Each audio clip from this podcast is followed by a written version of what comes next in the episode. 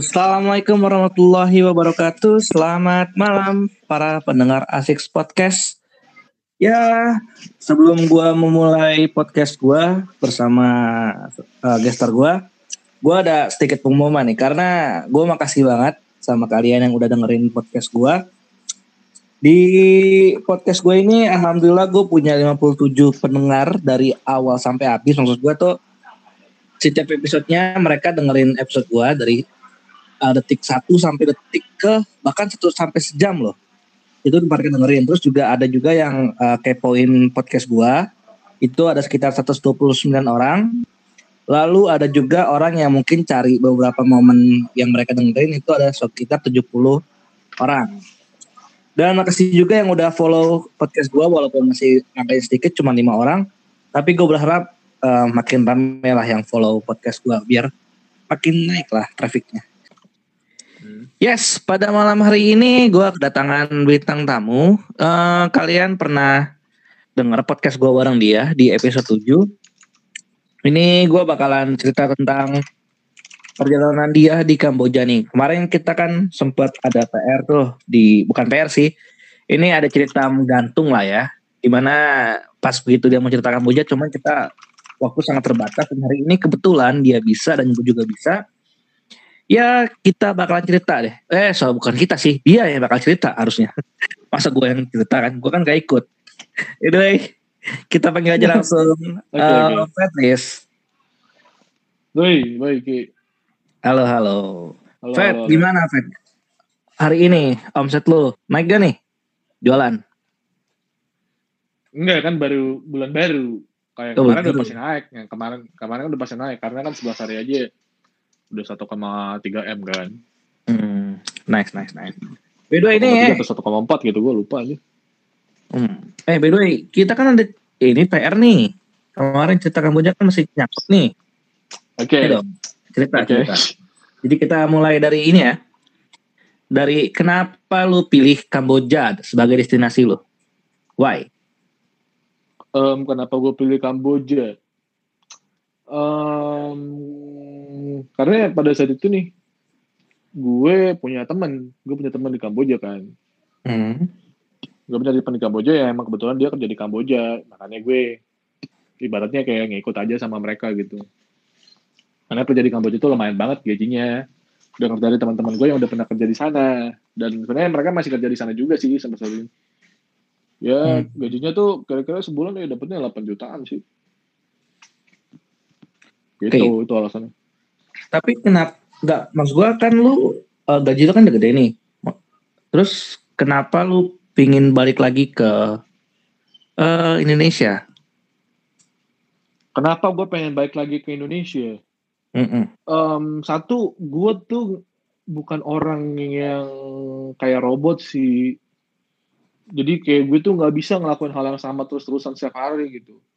It's not me gitu. Makanya gue cabut dari Kamboja dan tantangannya udah nggak ada aja lagi gitu. Dan gue rasa misi gue udah selesai aja di sana. Karena balik lagi nih, gue emang nggak bisa sih kayak robot gitu. Karena di Kamboja kan gue jadi admin judi. Jadi kerjanya kayak gue cuman proses-proses doang gitu. Kayak misalnya si A deposit gitu. Habis itu si B deposit ya gue cuman kayak proses-proses doang aja gitu. Hmm. Habis itu misalnya ada yang kayak WD-WD gitu, ya udah gue tinggal WD-WD-in aja. WD tuh maksudnya kayak ada yang tarik duit nih. Gue tinggal kasih tarik-tarik duit aja. Ya kerjanya hmm. sebenarnya robot banget lah. Gue nggak bisa gitu. Gue nggak bisa yang ngelakuin hal sama setiap hari. Kenapa? Karena um, gimana ya ketika lu udah kerja kayak robot ya maksudnya lu udah tahu nih besoknya udah kejadian apa gitu dan gue nggak suka aja kayak hmm. gitu maksud gue nggak seru men hidup lu flat banget gitu. Tapi kan Fat kalau ngomong kerja robot ya kan lu sekarang juga pun jual voucher awalnya kan juga sama gitu loh. Flownya hmm, kan siapa?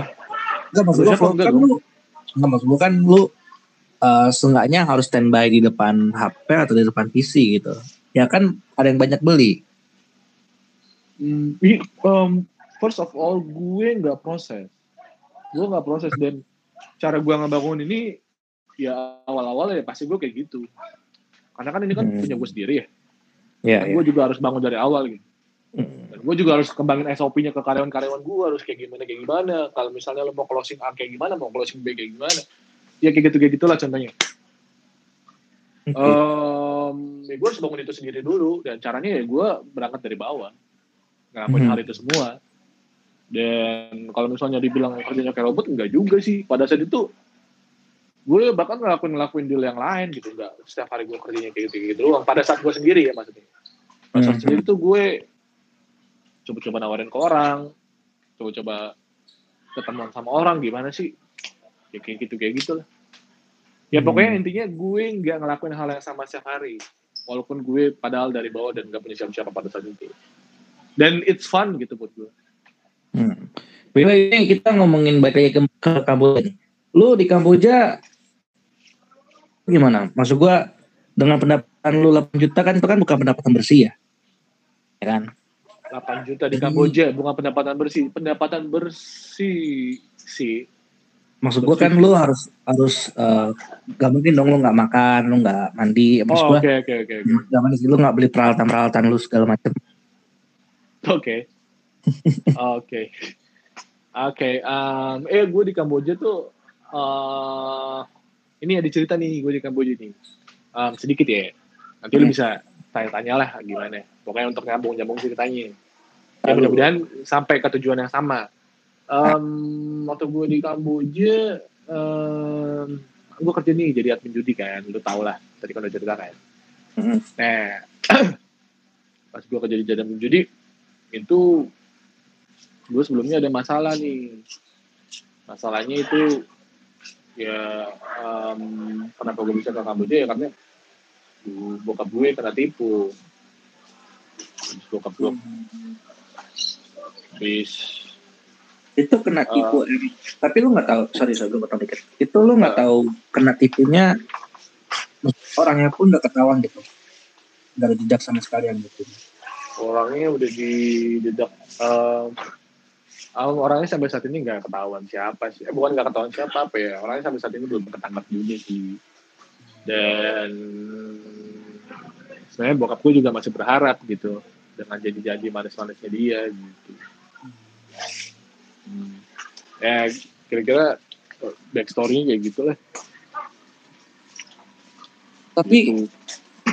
ya dengan maksud gue intinya kan kalau gue dengar dari podcast lo yang sebelumnya di episode sebelumnya kan uh, orang tua lo kan jadinya kan kerja tuh ya kan? Dan lo sebetulnya harapan mereka di saat itu uh, yang harus bekerja kan? Lo di Kamboja sendiri ada nggak sih seenggaknya kirim uang itu ke keluarga? Karena kan di keluarga di Indonesia sendiri keluarga lo emang keluarga inti lo lagi nggak ada kerjaan nih. Karena bokap lo kena tipu lah terus juga udah bingung kan mata pencarian dari mana makan dari mana juga bingung kan. Lo ada nggak kirim uang ke mereka? Um, coba lu boleh ulang lagi nggak? Sorry sorry. Gue lagi ini lagi ngerjain ya. sesuatu tuh jadi gini kan lu kan uh, di Kamboja itu kan tinggalin keluarga kan ya? Uh. nah itu keluarga oh, oke kan oke oke. Oke oke oke. Gue paham gue Um, ya, yeah, um, jadi gue sebenarnya waktu pas gue di Kamboja, um, ya gue ceritain backgroundnya dulu deh. Hmm. Waktu pas gue di Kamboja nih, waktu pas gue mau ke Kamboja maksudnya, um, gue tuh ada alasannya kenapa gue ke Kamboja, karena bokap gue pertama kena tipu nih, dan sebenarnya ketipunya lumayan besar, karena hmm. Pada saat itu titik pusatnya ekonomi itu cuma bokap gue doang. Jadi mau nggak mau ketika bokap gue hancur nih kita nggak bisa gerak sama sekali gitu. Nggak bisa gerak sama sekali itu maksudnya kita nggak ada pendapatan sama sekali. Karena gue sendiri pun orang sebenarnya orang yang cukup manja juga sih. Karena gue masih um, berharap sama bokap gue juga pada saat itu. Karena kuliah gue juga dibayarin bokap. Kayak jajan gue juga dibayarin bokap pokoknya semuanya sama dia lah Nah pokoknya intinya bokap gue udah gak mau kerja lagi nih karena stres. Balik ke cerita yang sebelumnya nih kalau misalnya masih ada yang belum dengar sebelum eh sebelumnya maksud gue episode sebelumnya. Bokap gue supir. Bokap gue itu hmm. supir jadi ketika mobilnya diambil stres dia. Stres karena nggak bisa kerja lagi. Jelas dong itu bisa, ya kalau bisa dibilang tuh kaki lah ya Iya, yeah, berarti itu duit gue, eh duit, duit keluarga gue dulu nih. Dari hmm. sana kita bisa makan, gue bisa kuliah. Tapi sebenarnya bokap gue cukup keren juga. Gue tuh kuliah di tempat yang lumayan mahal. Mahal, gue kuliah di UMN dulu. Kalau lu, lu tahu pasti, gue kuliah di UMN. Di Multimedia Nusantara. Itu hmm. ma mahal. Mahal banget, tapi bokap gue mampu. Bokap, bokap gue supir aja. Tapi dia mampu hmm. gitu. Kuliah gue yang uang semesternya um, 20 juta sebulan anjing. 20 atau 10 gitu gue lupa lah. Tapi uang pangkalnya 40 gitu. Ya pokoknya gede lah. Pokoknya gede lah. Pokoknya women orang-orang kaya. Oke okay, anyways anyways anyways. Um, ya yeah, jadi gue harus berangkat nih ke Kamboja. Hmm. karena pilihan gue um, sebenarnya pilihan gue di sini sebenarnya apa sih ada sih. Cuman karena pada saat itu emang diharuskan cepet gitu. Karena buat karena kita semua tuh udah sampai apa ya kurang makan lah. Kurang makan tuh dalam artian kayak makan tuh nggak sempat tiga kali gitu. Makan kayak mungkin mungkin cuma sekali dan itu makanannya cukup nggak layak gitu. Hmm. makanya kayak kadang tuh nasi ikan asin doang kadang kayak nasi telur gitu dan itu hmm. nunggunya lama banget. Gitu. Um, nah beranjak dari sana tuh pokoknya kayak sekitar enam bulan itu bokap gue pas ketipu tuh gue masih kuliah tuh. Pokoknya sekitar enam bulan ya sekitar enam bulan tuh gue udah semester baru nih. Ya udah gue udah gue udah, udah mulai mikir nih. Si Mitchell si Mitchell katanya udah gede. Gue udah mulai mikir kayak hmm. wah anjir gue gue muda nih gue harus manfaatin masa bokap gue lagi stres juga gitu nggak bakal bisa diharapin gitu sedangkan nyokap kan harus makan adik gue kan juga harus sekolah gitu mm. adik gue kan harus sekolah karena sekolah kan gak ada yang bayar adik gue nombok uang sekolah empat bulan kali waktu itu pokoknya nombok sekolah lah sampai dia nggak bisa ngambil rapot gitu mm. ya udah gue sebagai anak pertama ya asik gue sebagai anak pertama nih um, ya udah kayak sosokan aja gitu ya udah coba cabut ke Kamboja dari teman-teman gua yang udah ada di sana. Hmm. Ya udah, gue tiba lah di Kamboja. Nah, cerita-cerita gue di Kamboja udah kerja dan lain-lain. Ternyata bokap gue punya utang juga. Bokap gue punya utang sama temen gue yang ngajakin gue ke Kamboja. Hmm. Jadi, jadi sekalian aja kayak disuruh sama mereka untuk bayar utang aja sekalian gitu um, pada saat itu pada saat itu hampir semua pendapatan gue di Kamboja itu untuk gue bayar utang gitu kayak kayak gaji empat um, juta nih empat juta gue langsung bayar mm-hmm. utang ke mm. ke orang tuanya temen gue ini gaji empat juta jadi di Kamboja tuh sistem gajinya ada ada gaji sama uang makan gajinya itu empat juta. Habis itu uang makannya tuh 300 dolar 300 dolar uang Amerika. Ya which is kayak hmm. kayak pada saat itu ya, kayak mungkin 4 jutaan kali. Pada saat itu 4 jutaan nih. Pokoknya total 8 juta jadi Kamboja bulan. Dapat gaji hmm. tuh. Kotor. Ya. terus out di bulan pertama gue harus bayar utang. Nah, pokoknya pekerjaan gue di sana bayar utangnya bokap gue sama hmm. teman gue bayar utang. Ya pokoknya total ada 40 atau 50 gitu. Eh 40 atau 30 gitu gue lupa. Pokoknya tapi around 38 38 sampai 40 lah. Tapi lo um, selama apa ya selama kapan sih tuh? Maksud gue lo ngebayar utang itu selama satu tahun lo di Kamboja atau cuman enam bulan di Kamboja abis itu lo bisa napas gitu agak napas dikit karena utang-utangnya udah agak lunas karena kan kalau dihitung-hitung kalau Eh, empat puluhan kurang lebih kan itu kan ada lima bulan lah ya. Hmm. Tujuh, nah tujuh bulan itu kan seharusnya keuangan lu kan udah mulai stabil nih, udah mulai bisa napas lah ya.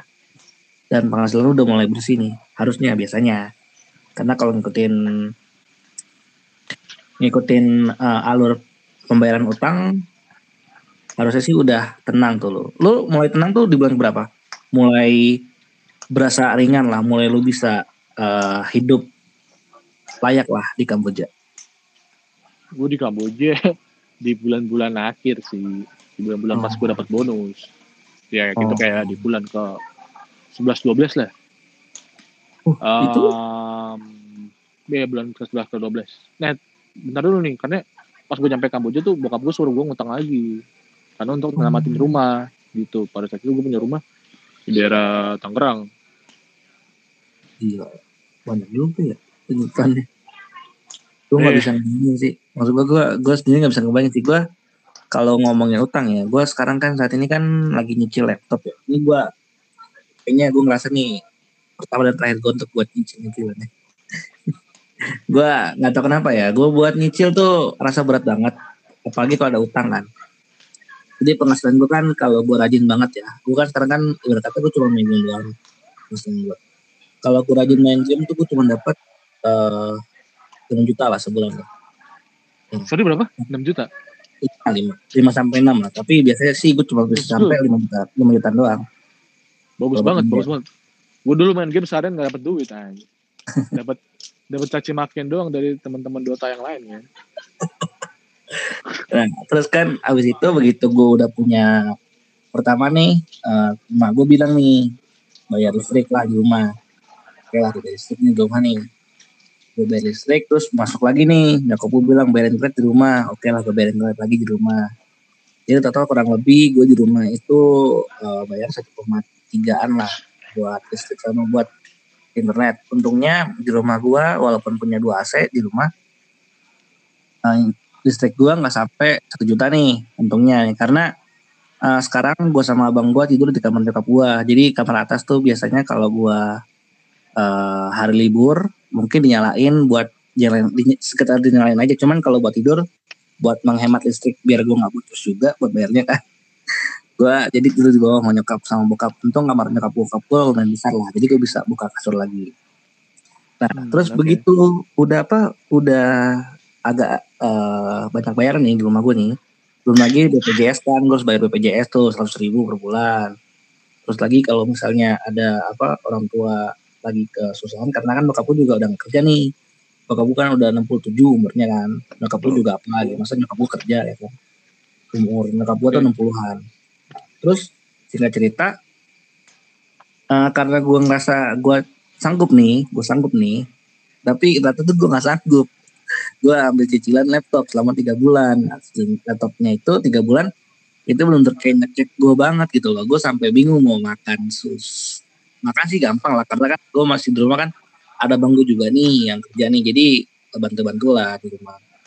Buat makan gue oke okay lah tapi buat makan diri gue sendiri yang emang biasa gue suka jajan suka beli ini beli GoFood lah pesan GoFood terus atau enggak uh, jalan keluar lah bareng temen lah hangout lah. Jadi tuh agak susah nih gue tuh ngerasa banget begitu gue ada utang gue inget tiap bulan tuh harus bayar sekitar 1,5 sampai 2 jutaan. Itu gue langsung kayak ah gembel gue mau ngapain ya? Nggak bisa mana-mana nih. Mau ngapa gue tabung dulu sama untungnya nih cicilan gue nih udah sampai bulan ke, ini baru bulan kedua nih. Dan alhamdulillah juga rezeki gue lagi dibuka karena gue ada ke apa ya dipanggil terus ngekes di Garena di Showcaster oh, jadi ya, ya yang AOV iya. masih AOV kan? Masih AOV gua. Oke okay, oke. Okay. Alhamdulillah dipanggil lagi dan besok gue berangkat lagi sih. Ini udah kelima beruntun gue dipanggil. Syukur-syukur ya. Nah ya udah gitu. Gue ngerasain sih apa yang rasain sih di mana kalau punya utang tuh pas lu ada uang nih rasanya berat banget dibayar gitu loh. Gue salah satu orang yang mungkin setelah ada uang gue tuh suka punya uang banyak gue suka punya uang banyak maksudnya gimana? Semua orang suka dong. Enggak jadi tuh gue jadi tuh gue gue baru nyadar tuh gue baru nyadar pas di bulan apa ya? Di apa? bulan uh, kemarin bulan bulan Oktober gue kan waktu itu kan kerja di Aura nih. Kerja di Aura terus gue kan uh, ini Aura apa? Aura e-sport ya? E-sport ya. Gabis itu kan gue diberhentiin nih di gue diberhentiin tapi gaji gue jalan kan gaji gue di bulan September. Nah gaji gue masuk bulan uh, bulan September itu kan masuk nih 3 juta nih. Hmm. Gaji gua 3 juta. Terus uh, dari game selama bulan September itu kan gue juga sambil main kan. Jadi sambil kerja gue sambil main juga gitu loh.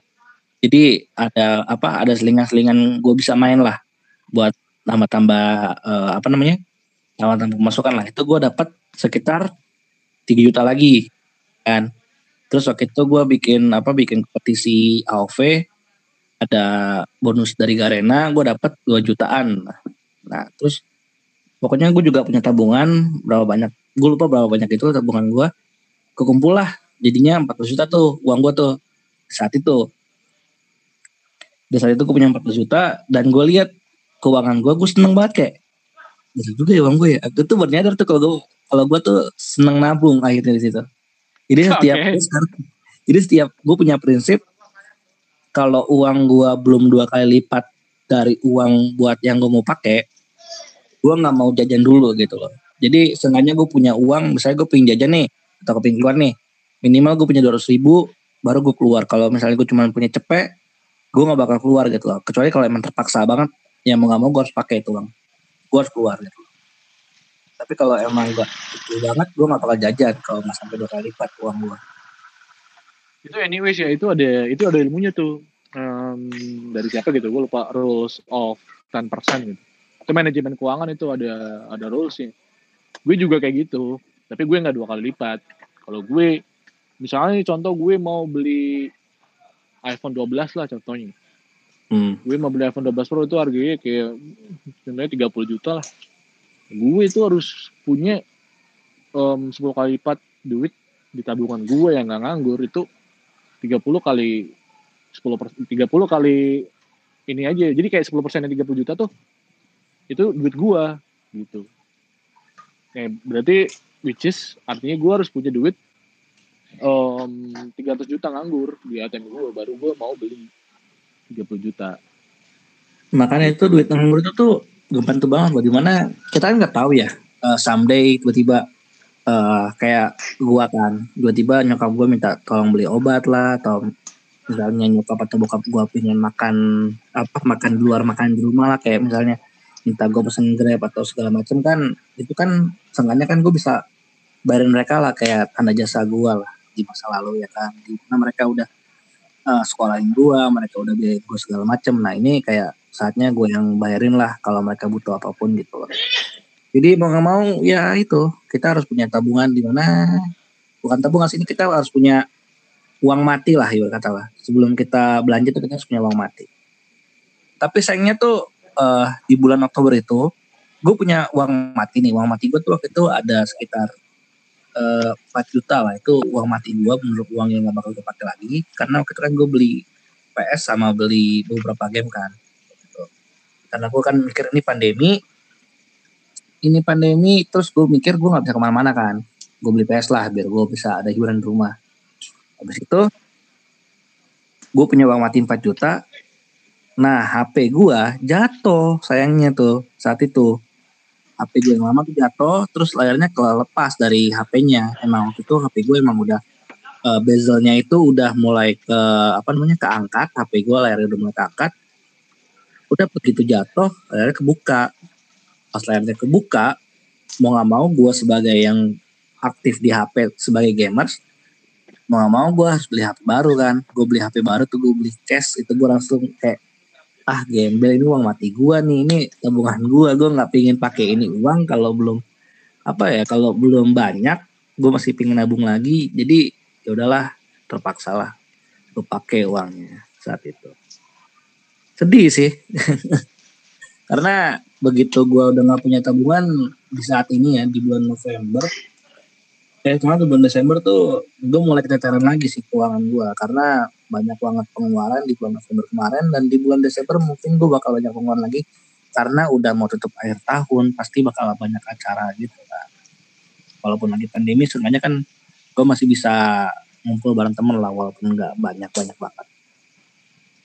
Anyway ini kita ngomong udah ke mana-mana nih ini kita kita, ya, apa, apa, kita emang ngobrol kan. Tapi anyway sih gue mau tekanin satu hal ya. Soal keuangan gue juga um, masih belajar juga. Maksudnya um, gue itu gara-gara bokap gue suka utang ya. Gue jadi obar-obar keluarga gue nih. Tapi anyways ya gak apa-apa gue udah damai juga soal itu sih. Uh, ya anyways gue mau disclaimer dulu. Gue nggak ada masalah dengan hal ini lagu gitu kan. Kenapa gue mau cerita? Ya karena gue udah damai aja dan iya. ada baiknya mendingan gue um, buang itu ke tempat sampah aja gitu. Maksudnya kadang jadi omongan ketawa-ketawa aja buat gue gitu.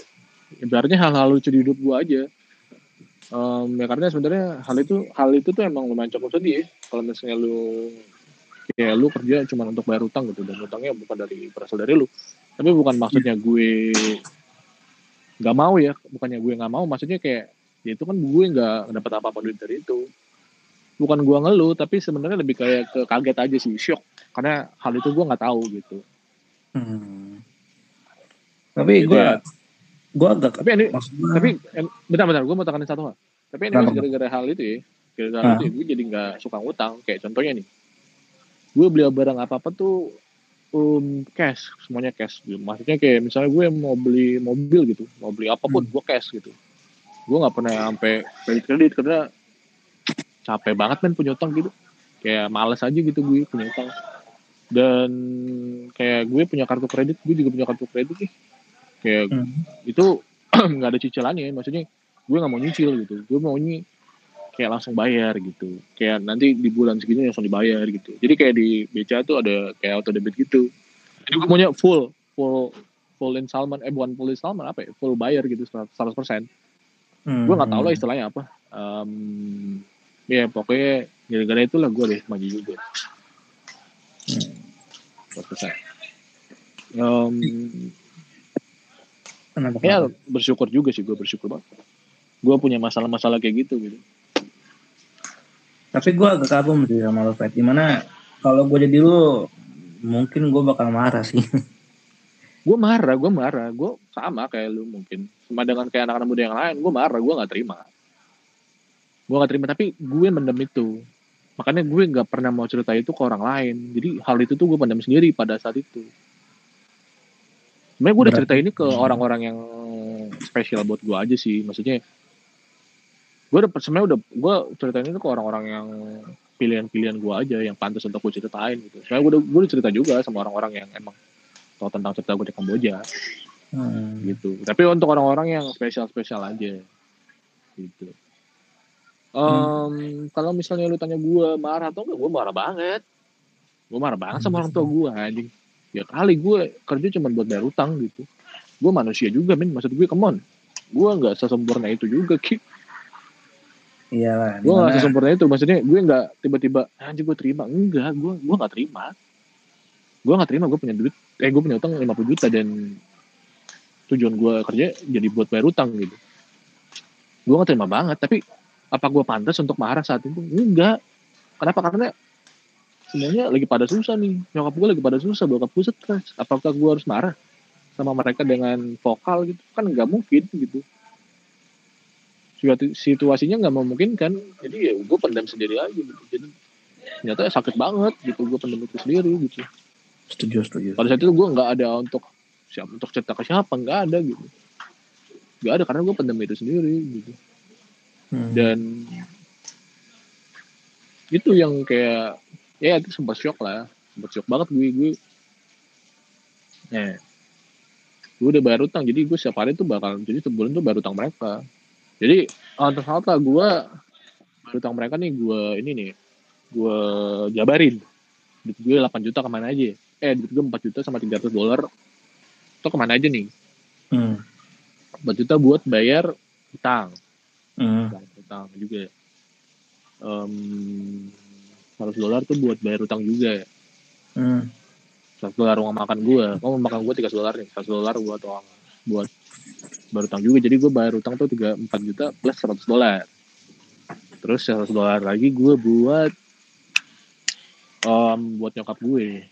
Jadi kan buat kayak mereka harus makan gitu gitu kan. Mereka harus makan ya hidup kan.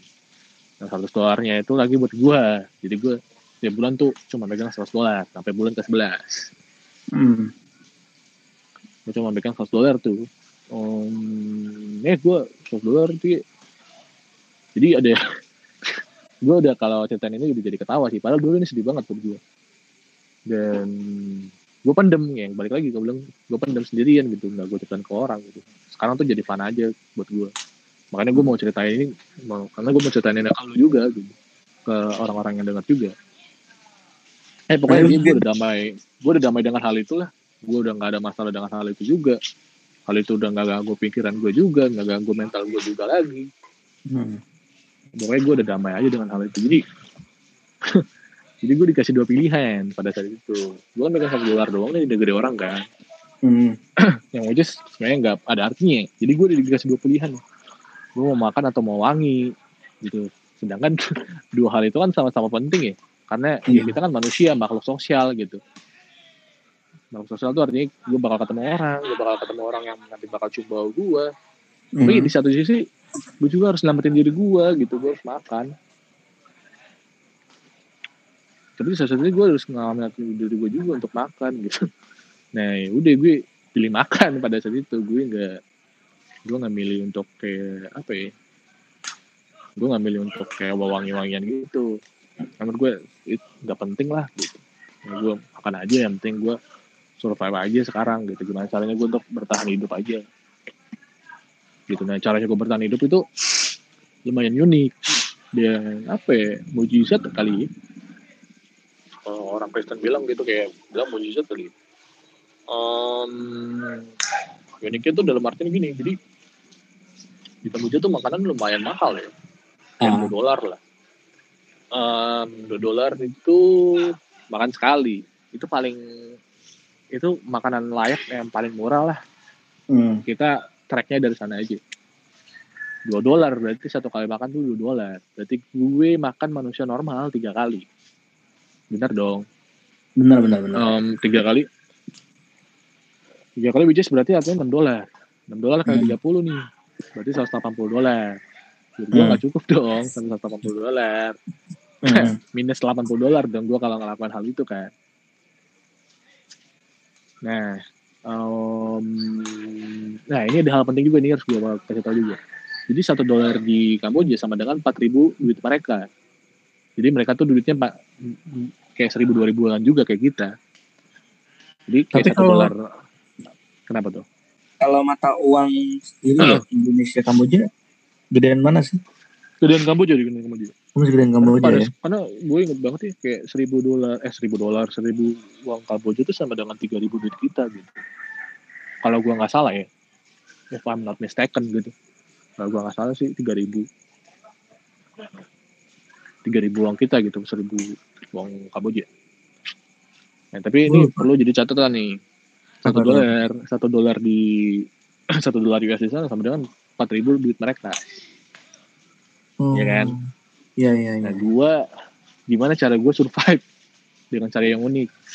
Um, gue setiap hari makannya indomie cuy. Gue makan cuma dua hari dua gue cuma makan cuma dua kali sehari. Gue kan kerja malam ya. Jadi di sana tuh um, ada shift ya shift shift, shift. namanya shift. Jadi kayak shifting gitu. Shifting kayak gue kan kerja malam jadi gue mulai kerja dari jam 9 sampai jam 9 pagi. Di jam 9 malam ke jam 9 pagi tuh. Hmm. Shifting. Nah gue bangun. Nah gue bangun. Um, gue bangun dari um, gue bangun eh, ini kesarian gue ya cara gue makan ya gue ceritain ya. Hmm. gue hmm. bangun bangun itu jam eh sorry bukan jam 9 sorry jam 7 jam 7 dari jam 7 malam ke jam 7 pagi. Um, 12 jam ya? 12 jam. Ya intinya 12 jam juga. Um, kalau jam 9 ke jam 9 mah game guru aja ya yeah, anyways anyways anyways. Anyways um, tapi gue gak sekejam anyways anyways. Kok kejam sih aja anyways gini um, um, bentar gue lagi pilih-pilih kata nih yang kalem kalem. sekiranya pantas untuk di podcast ini.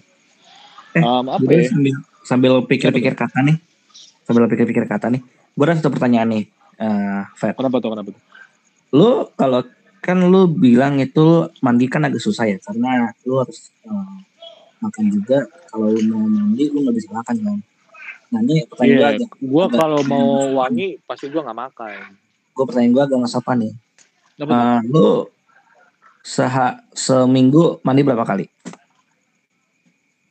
seminggu gue gue nggak pernah mandi pin pas di sana serius seminggu masa mandi sekali gitu gue juga kolor gue juga nggak pernah gue ganti aja sekali gitu. gak pernah gue ganti. Serius serius. Gue tuh pakai baju yang sama terus. Ya, gue tuh ya sampai sampai dari adiknya juga sama anak satu kantor gue gitu kayak ini orang bau nih gitu.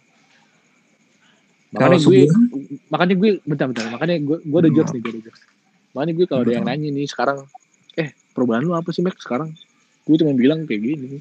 Gue sekarang udah tambah wangi aja sih gitu aja gue Aduh. Eh, tapi kalau misalnya itu uh, siapa namanya? Fat ya? Betul. Lo sebu kalau kan kalau seminggu kan lo nggak mandi. Kalau sebulan? Itu gue sebulan kayaknya cuma mandi tiga kali atau dua kali lah. Hmm. Berarti hitungannya lo dua minggu sekali lah ya mandi ya? Dan kenapa gue harus mandi? Karena itu udah kayak apa ya? Udah gak nyaman banget men badan gue. Mandi gue mandi gitu. Dan gue mandi tuh um, harus pakai kolor yang kemarin gitu. Yang kemarin, lo paham gak sih? Paham, paham. Tapi sebenarnya lu gak siram badan gitu biar seger gitu, fat. Gue siram badan, gue siram badan. Gue gue gue gue gue nggak siram badan sih. Oh siram badan tuh maksudnya mandi kayak cuci muka gitu ya? Enggak siram badan tuh cuman pakai air doang, nggak nggak pakai sabun, cuman pakai air doang. Basahin badan oh, lu. Enggak, enggak, enggak, enggak sempet, enggak sempet gue. Karena kan oh. balik lagi nih, gue emang orangnya um, apa ya? Mungkin karena emang kecapean aja sih, kecapean banget kan gue. Maksudnya kan gue kerja malam gitu. Gue juga maksudnya gue emang anak-anak orang yang lurus-lurus aja lah. Gue nggak nggak sampai yang belok-belok gitu. Nggak kayak anak-anak gaul di Jakarta yang kayak pulang malam eh pergi malam pulang pagi gitu. Gue nggak kayak gitu. Hmm. ya pokoknya istilahnya gue orangnya lurus aja gitu. Jadi ketika gue kerja malam ya um, kan badan gue kan berubah nih waktunya kan jadinya kan. Hmm. Kadang tuh gue capek banget gitu. Kadang tuh gue bangunnya tuh selalu lebih dari jam tujuh. Hmm. Selalu lebih dari jam tujuh um, jadi kan gue harus buru-buru. Kadang gue yang telah sendiri. Kadang gue ditinggalin sama teman satu mes gue hmm. karena ya pokoknya intinya gue lumayan gak punya teman sih di sana.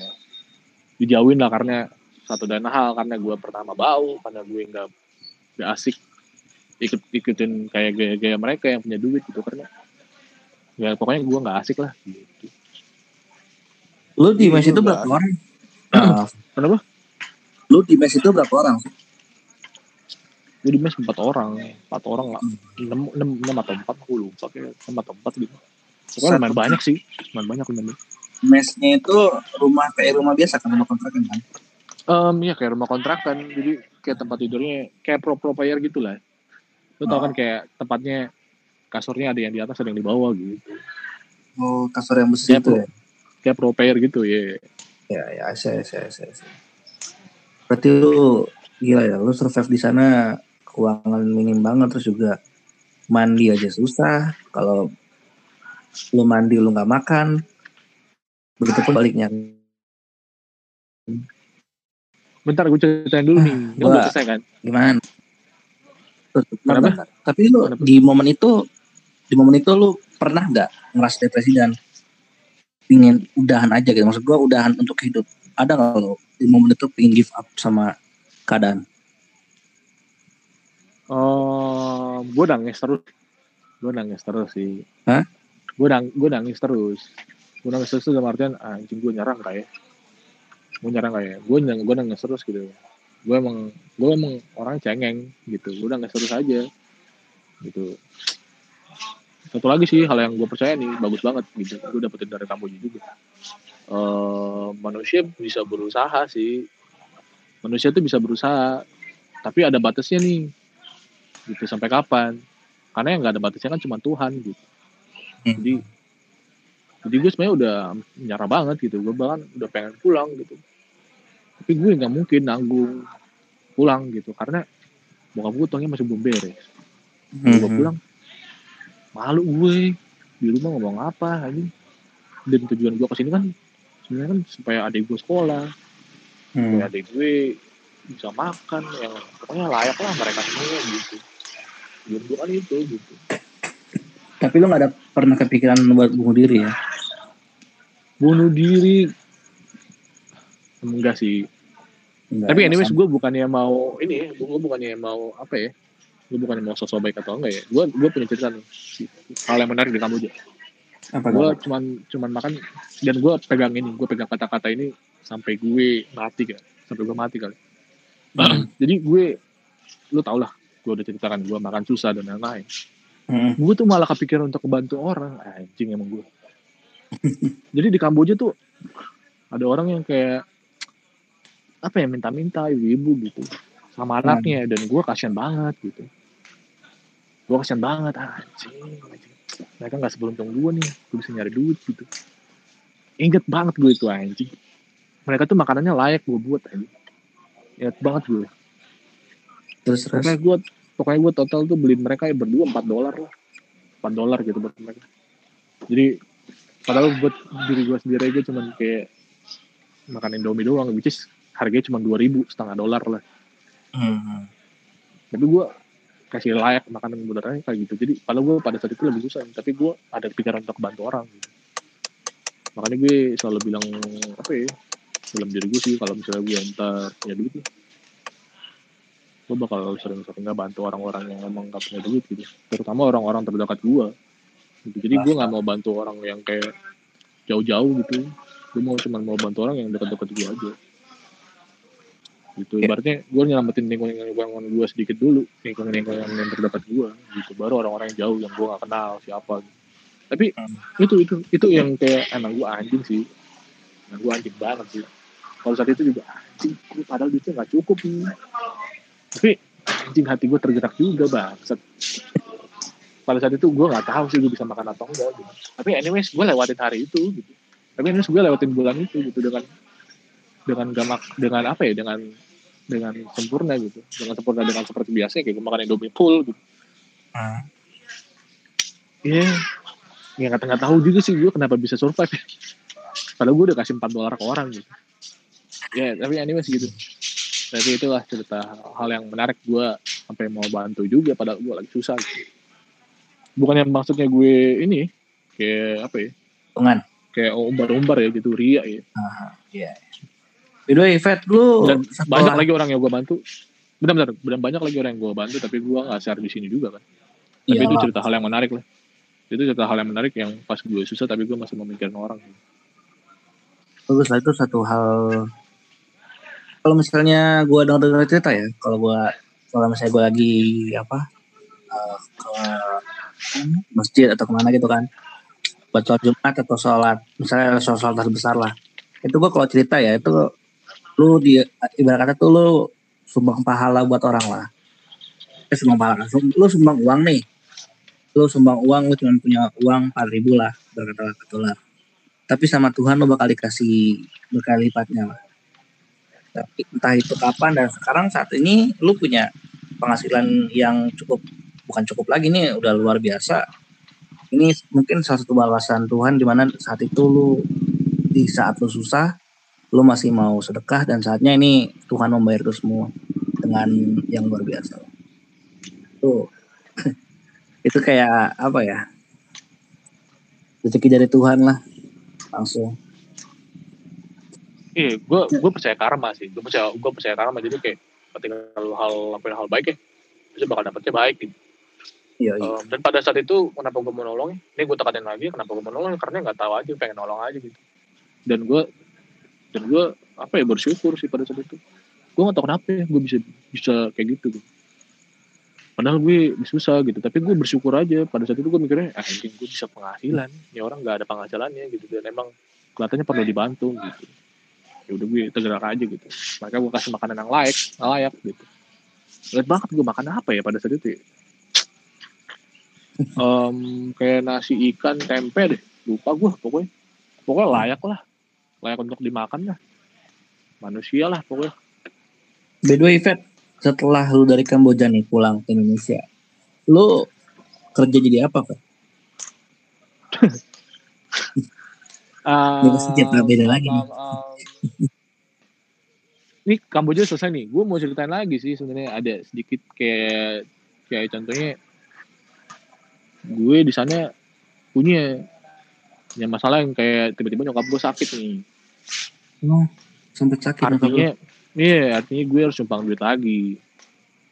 Wah, gitu. Sempat nyokap gue sakit, jadi gue sempet ya nyokap gue sakit gitu. dan kan tahu nih kan tadi kan backgroundnya kan gue nggak disukain sama anak, anak kantor gue sendiri kan. Hmm. gue gaul sama anak kantor lain gitu. Hmm. yang yang dia yang dia notabene nggak tahu gue itu bau dan lain-lain gitu ya. Mungkin mereka cium juga kali ya. Cuman gue nggak tahu lah. Gue nggak pikir juga. Ya, berarti gue gaul sama kantor lain. Karena kan gue dimusuhin sama kantor gue sendiri gitu. Gue gaul sama kantor lain gitu. Gue nyebut mereka gitu. Eh dikasih gitu. Ya udah pada saat itu um, bersyukur banget dah ibaratnya gue terbantu dari teman-teman gue yang ini gitu dari teman-teman gue dari kantor yang lain karena mereka kasih gue pinjam duit gitu hmm. jadi gue bisa kasih itu ke orang tua gue ya sebenarnya itu buat makan gue sih kalau gue udah kasih duit gue semuanya ke orang tua gue untuk rumah sakit gitu. Nah, gue kira okay. lu mau ngomong, nggak, gue kira, sorry gue potong dikit. Gue kira tuh lu mau ngomong, lu di saat nyokap lu sakit, lu gak jadi sama sekali. Pernah gak lu? Iya gue gak jajan sama sekali. Gue gak, gue gak makan sama sekali, tapi gue cari akal dong. Oh. Iya, cari akal gue. Bener-bener gak ada keuangan ya. Hmm. Iya, yeah, tapi kan manusia kan, maksudnya ilmu survival gue kan harus ada juga. Gue gak mungkin di sini gak makan kan. Maksud gue drama banget gitu. gue juga harus mikirin diri gue sendiri. Aduh. Gitu. Itu drama nah. banget sih kalau kan pengen makan. Iya, jadi lebih seru dramanya. Siapa tahu diangkat iya, jadi kan cerita cerita layar lebar. Lebih seru tapi kan gue nggak makan pada saat itu nggak makan mungkin gue tewas aja. tapi anyways yang lebih menarik ya kalau gue lihat dari sini gue makan indomie suruh kuat aja usus gue nggak bolong. Eh, gue tuh makan indomie setiap hari men. Eh, gue bingung ya itu orang-orang yang ngomong makan indomie makan Indomie bisa. Gue bukannya gue gak percaya karena gue saat ini kan juga seneng banget makan Indomie. Hmm. Juga kalau dibilang khusus lingling khusus belum begitu lah kayak mungkin itu ada penyakit bawaan kali ya orang-orang ya makanya bisa bisa punya penyakit gitu ya ibarat kata kayak lu punya darah tinggi nih ya kan terus tiap hari lu makan kambing mati lu mama lu ya enggak sih eh, eh jangan kayak gitu dong. Anda namanya patahin omongan saya dong kan lu patahin omongan gue dong. Maksud gue gini. Enggak enggak maksud enggak patahin. Maksud gue gini. Kan lu kan bilang lu lu makan lu makan indomie kan. Lu makan indomie tapi nggak ada efek apa pun kan ke lu kan. Ya kan? Iya sebenarnya seharusnya ada efek kan kalau dari kedokteran kan. Ya gue nggak tahu sih kalau dari kedokteran ada efek atau enggak. Tapi anyways gue lewatin itu gitu. Nah kalau kalau menurut gue ya itu bukan efek sih sebenarnya. Itu kayak ada orang penyakit bawaan nih. Nah pantangannya okay, dia itu nggak okay. boleh makan Indomie gitu. Oke okay, oke. Okay. Ya pokoknya anyways, eh gue lewatin itulah untuk makan Indomie setiap hari gitu dan gue gue pokok tuh gue tuh kalau makan nih um, kan gue kerja malam gue kalau makan ya pasti pas gue jam 9 tuh pasti makan tuh jam 9 malam uh. jam 9 malam tuh gue pasti makan habis itu sampai rumah gue makan lagi makan cuma nasi telur nasi hmm. telur gitu. itu um, selama setahun tuh gue makan kayak gitu gitu anyway ya, tadi kira-kira. gue balik lagi pertanyaan sayang itu ya yang hmm, apa tuh? setelah lo dari Kamboja lo ke Indonesia lo kerja apa? Atau langsung buka usaha dengan modal 8 juta lo oh enggak dong. 8 juta gue ya buat oh ya gue gue pulang dari Kamboja dapat 8 juta bawa 8 hmm. juta doang. Hmm. terus? Juta doang. Gue ingetnya um, gue gue pertama beli kacamata gue. Terus habis itu apa jutanya gue kasih buat makan-makan kita gitu. Bokap gue masih belum kerja nih masih belum kerja juga. Hmm. masih belum kerja. Ya pokoknya masih stres lah gitu. Kalau kalau pulang kampung itu bokap gue masih stres juga nggak kerja juga. Nah terus lu nggak mungkin dong lu nggak kerja lagi dong kan? Cuma modal 8 juta doang masa yang kerja lagi? Lu di Indonesia jadi apa dong nih gue kerja. Gue otomatis gue cari kerja. Um, kerjaan yang paling gue ambil duluan tuh gue jadi caster. Hmm, caster caster magang di Liga Game gue oh oke okay, oke. Okay. di Liga Game gue sempat. Nah di Liga Game sempat. Nah habis itu karena diajak juga tuh sama teman tuh ya udah gue coba aja. Gitu ya udah. Sempat lah di sana um, jadi itu kayak sampingan gue juga nah habis itu yang kedua gue kerja kerja yang serius nih. Gue kerja gue bener kerja di Cotton On yang di CP aja apa apa, apa? Cotton, lo tau Cotton On gak yang kayak tempat jual eh tempat jual beli baju gitu yang kayak HM gitu gitu oh iya iya iya, iya. tapi ini Cotton On gitu mereknya. Ah, gue pernah jual gue pernah kerja di sana jadi jadi apa ya jadi salesnya gitu. Kayak nawar-nawarin orang kayak dan ternyata gue cuma kerja di sana tuh cuma sehari doang. Sehari. Gara-gara lu capek atau? Capek banget gue dan gue rasa ah gue nggak bisa nih kayak gini not me gitu. Balik lagi nih ini bukan gue gue nggak gue nggak bisa kerja hal-hal yang sama terus terusan gitu. Gue nggak bisa kerja sama terus terusan Pokoknya kayak robot lah itu bukan gue banget. Terus setelah itu? Hmm. dan yang kedua alasannya karena gue berdiri mulu kan ya lo tau lah. Jadi sales baju kan pasti berdiri berdiri mulu iya. Yang ketiga alasan yang paling lucu nih. Yang ketiga alasannya gue nggak bisa lipat baju. Ya ampun. Eh, gue kan bisa lipat baju dong. Gue gak bisa lipat baju. Gue kan cowok banget ya. Iya, gue cowok banget gue gak gue gak ngerti aja kayak gitu gitu. Ajes eh Anyway, setelah setelah lu di apa? Setelah lu di CP tuh di Cotton On, lu ke mana lagi?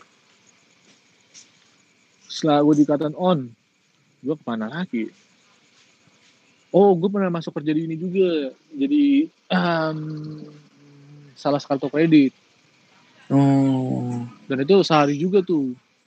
Waduh. Sehari juga.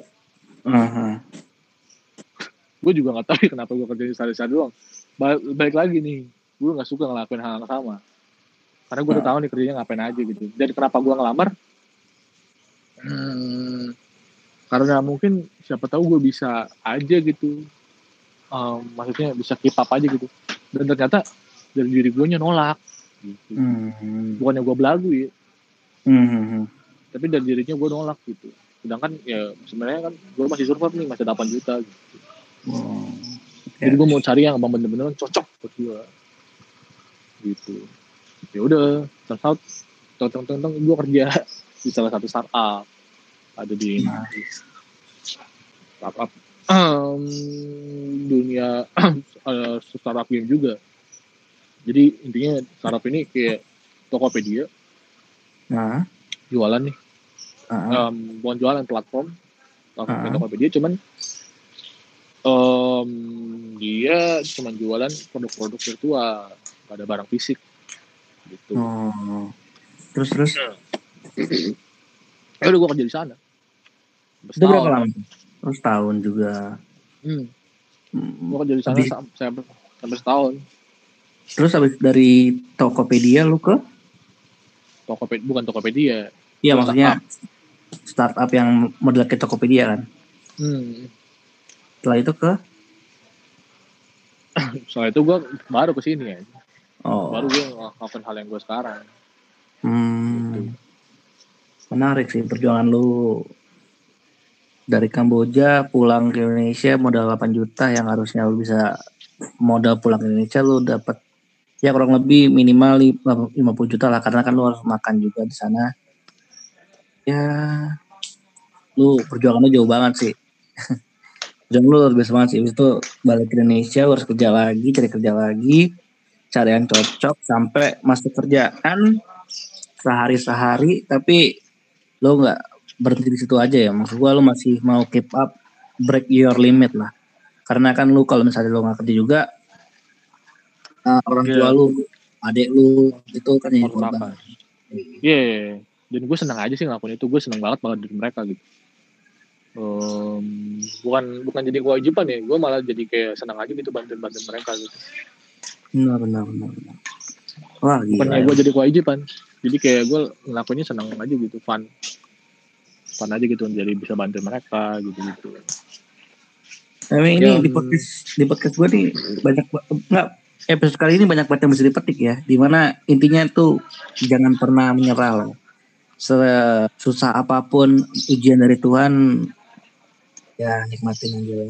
Walaupun memang ya kalau bisa dibilang itu apa ya nasib paling buruk banget ya enggak sih kalau gue nggak setuju sih jangan pernah menyerah sorry nih gue patahin nih um, baik lagi yang gue bilang pada podcast sebelumnya nih Oh menurut gue um, nyerah nggak apa-apa sih. Nyerah tuh bukan karena lo lemah gitu. Tapi karena lo um, sayang sama diri lo sendiri aja. Um, dan maksudnya yang nggak punya batasan tuh cuma Tuhan gitu. Manusia kan ada batasnya nih. Kayak sampai hmm. kapan kan. Jadi lu nggak bisa nyamain sama diri lu sama Tuhan gitu. Kalau lu nggak pernah nyamain lu berarti lu mau samain diri lu sama kayak Tuhan gitu.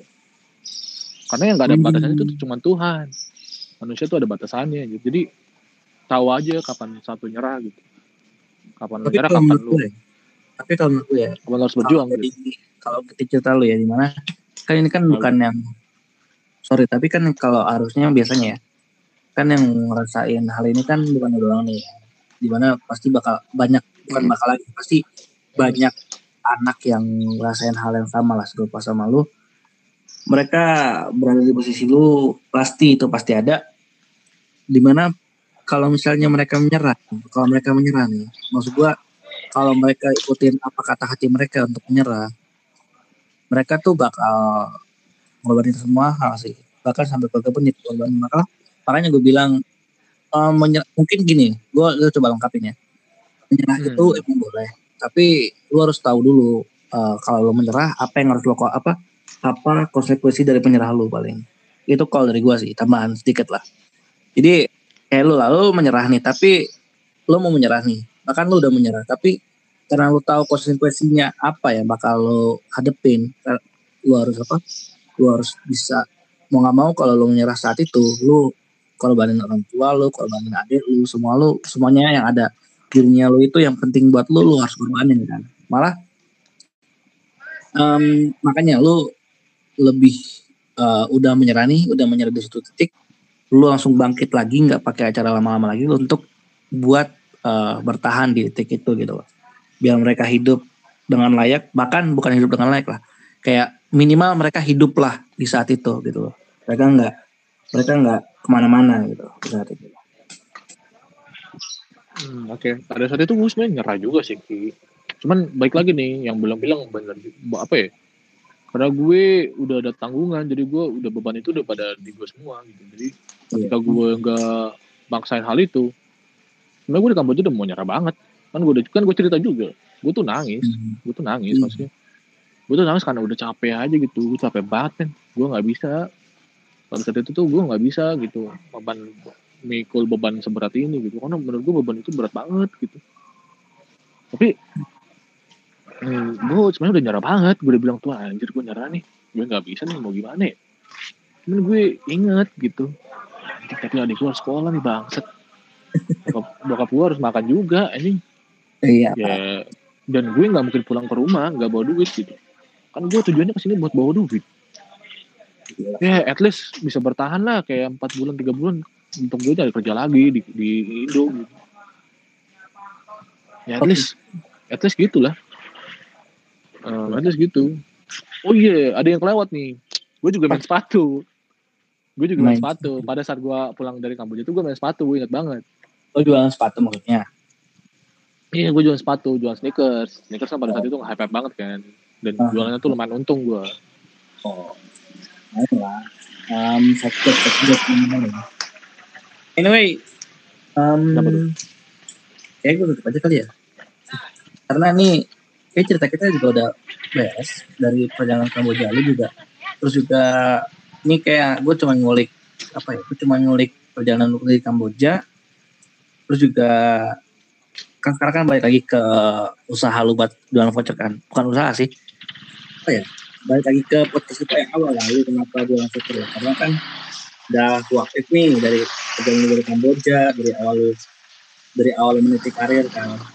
Ya terus uh, lu pindah ke Indonesia balik ke Indonesia lu kerja sana kemari satu hari lalu habis itu ke startup setahun dan akhirnya lu di saat lah jual foto lagi jadi gue rasa kayak hmm udah gue udah cukup apa ya rasain hal yang cukup perih sih gue jujur loh tadi pas lu cerita soal itu ya gue apa uh, lu cerita soal lu Kamboja, lu di Kamboja ya. Gue tuh kayak sepintas tuh gue ngerasain hal itu gitu.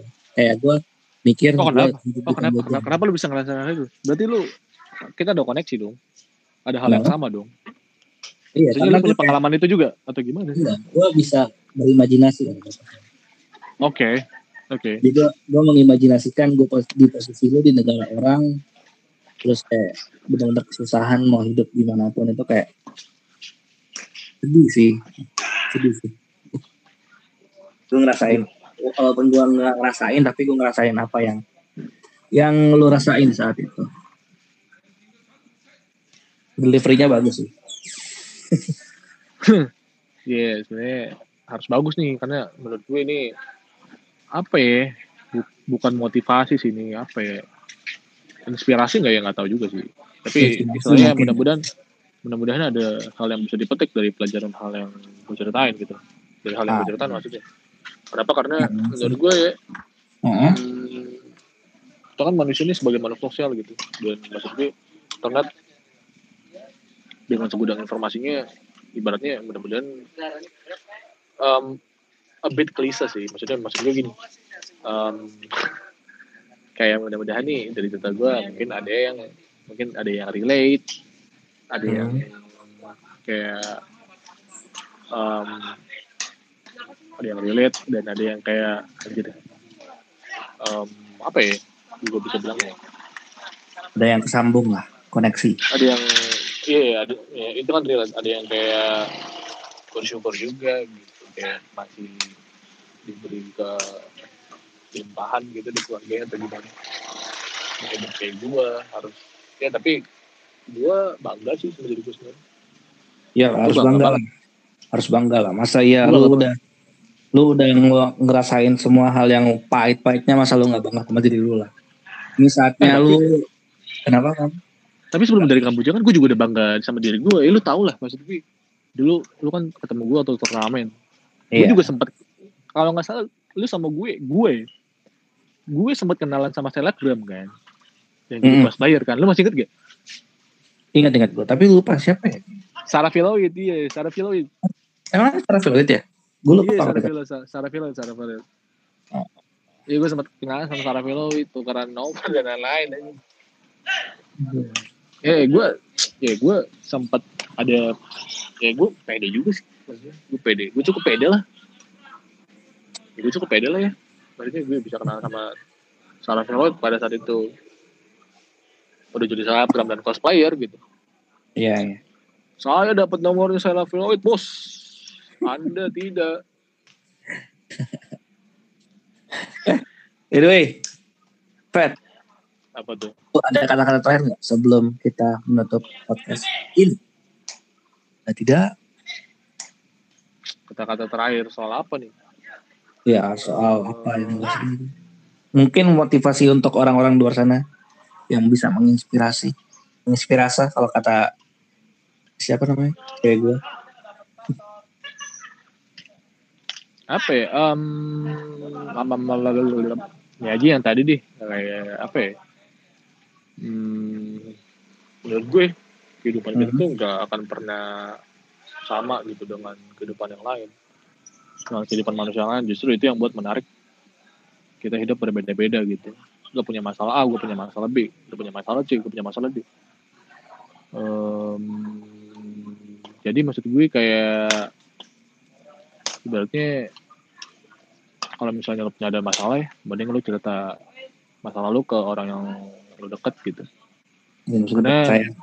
karena ternyata tersatu nggak baik buat gue karena pas gue pulang dari Kamboja gue dengan hmm. masalah yang gue gue kan dikatain orang mulu pas gue hmm. Kamboja maksud gue gue bau gitu gue nggak hmm. makan gitu hmm. itu dalaman gue nggak gue ganti pak sumpah anjir gue cerita juga kan gue makan tuh eh gue makan gue mandi tuh paling cuma dua tiga kali dan kalau misalnya daripada lu ya, lu semua nih tanya-tanya kenapa gua nggak beli alat-alat untuk nyuci sendiri dari mana duit gua anjing? Duit gua dari mana? Gua ya. makan aja susah. Kepikiran ya. untuk beli-beli. Gua tuh mandi asal lu tahu ya gua mau tekan ini.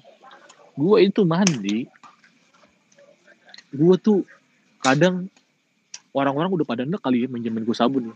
Makanya gua hmm. gak dikasih sabun lagi. Sabun tuh diumpetin sama mereka. Buset, karena gue minjem minjem doang gitu. Iya maksud gue ya udahlah gitu mau gimana juga ya pokoknya intinya semua yang di sana tuh pas itu jauhin gue gitu. Ya gue pada saat itu gue sempat kena mental juga kena mental gue juga ah, anjing apa gue seburuk ini? Gitu ya. Ya. Hmm. itu yang salah jadinya maksud gue kalau ada masalah cerita aja ke orang yang dekat gitu yang sama menurut lo untuk lo cerita dekat karena uh, masa lalu yang jelek-jelek harusnya jadi tempat sampah aja nggak usah disimpan aja gitu. Yeah. karena gue pun sekarang udah berani untuk ceritain ini. Karena gue udah damai aja dengan hal ini gitu dan makanya gue mau buang ini ke tempat sampah gitu. Yang tapi masalahnya nggak pernah gue lupain. Tapi gue udah fun aja dengan itu. Gue udah fun aja dengan orang bilang gue bau dulu gitu. Gue udah fun aja dengan hal itu. Tapi sekarang gue wangi men. Makanya gue kalau ditanya terus sekarang perubahan apa sih di urusan ya gue cuma tambah wangi aja sih boleh lah anyway Fred gue sekali lagi nih makasih nih udah mampir ke podcast gue untuk kedua kalinya nih dan yeah, yeah, tapi cerita hal ini kalau bisa dibilang hal krusial ya gimana? Eh bukan krusial. Ini hal terpenting mungkin nih bisa dibilang hampir hampir semua isinya itu aib sih. Ini kayak aib benar aib lo sih. Tapi lo ya mau sharing lah. Gue makasih banget sih. Eh, tapi gue bukannya nggak ini aib sih. Gue malah nggak ini sekarang jadi turning point gue gitu. Gue ambil hikmahnya aja sih. Turning point tuh kalau orang-orang startup bilang nih asik startup bilang tuh ini milestone-nya gue gitu. Milestone-nya gue batu loncatannya gue untuk jadi orang lebih baik lagi. Ya karena di background gue gue orangnya manja men. Maksud gue gue tuh manja anjing. Gue tuh manja banget. Gue tuh nah bokap gue tuh apa pun tuh gue pasti bisa dibeliin aja hmm. walaupun bokap gue super jadi kayak dia berusaha banget ya. itu sih yang keren buat bokap gue juga. Eh ya. maksud gue gue tuh orang yang apa ya gue tuh gadget ya masalah gadget ya. Gue tuh selalu terbaru aja di bokap gue orang baru punya iPhone gue udah punya iPhone juga aja pokoknya gue gak pernah kalah soal teknologi aja soal yang terbaru soal modest gue gak pernah kalah karena bokap gue aja gitu Tapi apa apa apa? Ya makanya gue gue makasih banget sih sama bokap gue bisa sampai sekarang juga gue. Ya maksudnya bukan pendidikan beliau juga dia orang tua gue. Um, ya gitulah. Tapi itu sekarang gue udah nggak mikir itu sebagai apa aib sih. Gue sekarang malah ngeliatnya sebagai milestone. Milestone gue gitu. Batu loncatan gue untuk jadi orang yang lebih baik karena setelah gue tahu itu ya jadi jadi panjang nih sorry nggak apa tapi seenggaknya yes. orang-orang itu kan cerita hmm, cerita agak berat lah buat cerita mereka. Apalagi mereka sampai buka ke masalah keluarga dan segala macamnya itu kan kayak satu rangkaian yang susah untuk diceritakan. Tapi gue makasih banyak nih sama lo nih. Sudah mau iya. berbagi. Ya, gue juga ngerasain sih kayak bukan ngerasain sebagai langsung ya, tapi yang tadi gue bilang gue bisa ini otak gue entah entah gimana kerjanya tuh bisa traveling imajinasi ketika gue lagi di Kamboja terus gue jadi lu gitu kan ngerasain semua hal ketabihan di sana.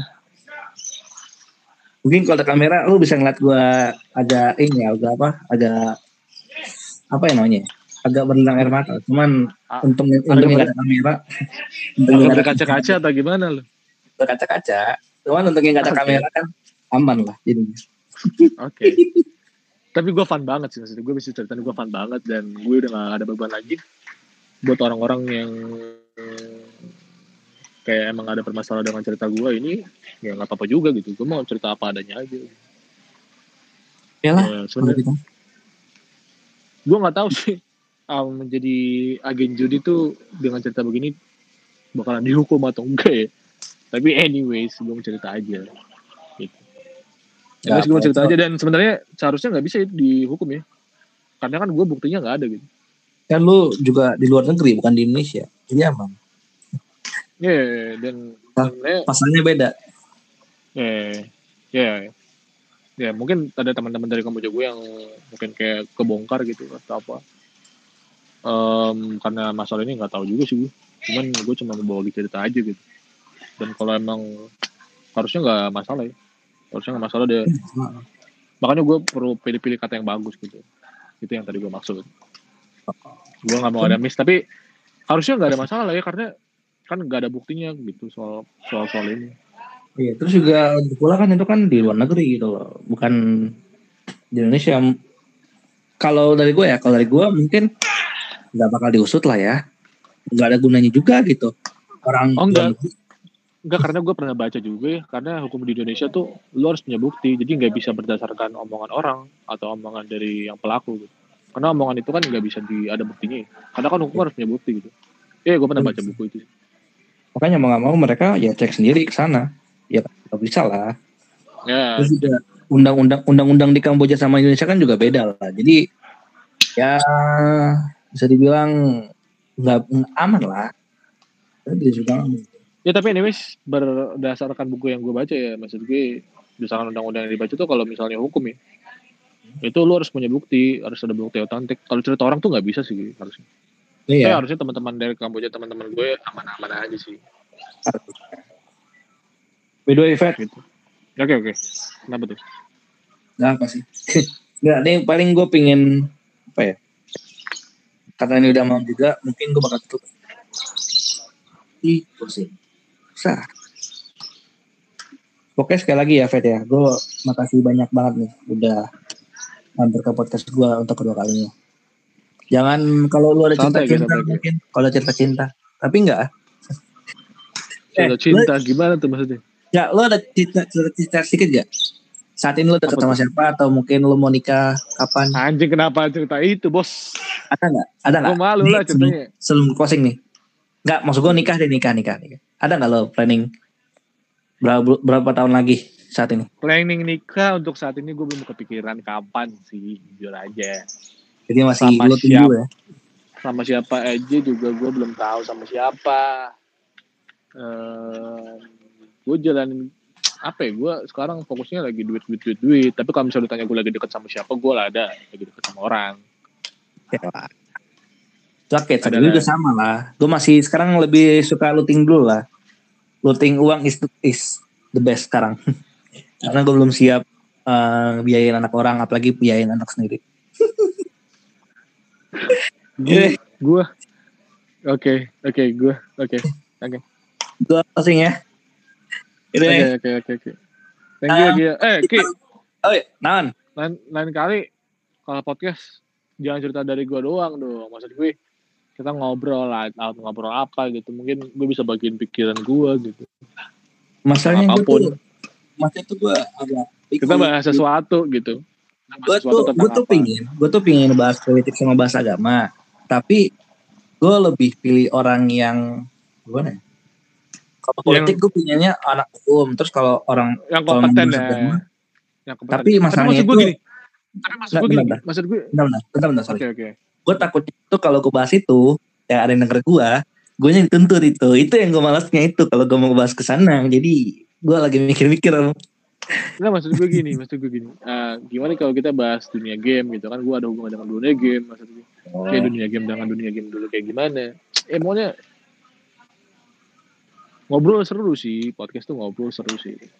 Gue kalau ngebahas, gue bukannya gue nggak mau ya, tapi masalahnya dari gua episode 1 sampai enggak enggak enggak. Maksud gue kalau misalnya lu? ada pengen oh. pengen ada story baru atau apa nggak tahu gue. Ya lu maksud gue gue gue bisa lah untuk kayak jadi teman ngobrol lu dan lain-lain gitu. Ya nanti gue tanya-tanya lah kalau gue gue menawarkan diri gitu. Kalau misalnya lu mau ya maksud gue kita kan emang temen ya. Gitu. iya. Gak ada salahnya untuk saling bantu kan.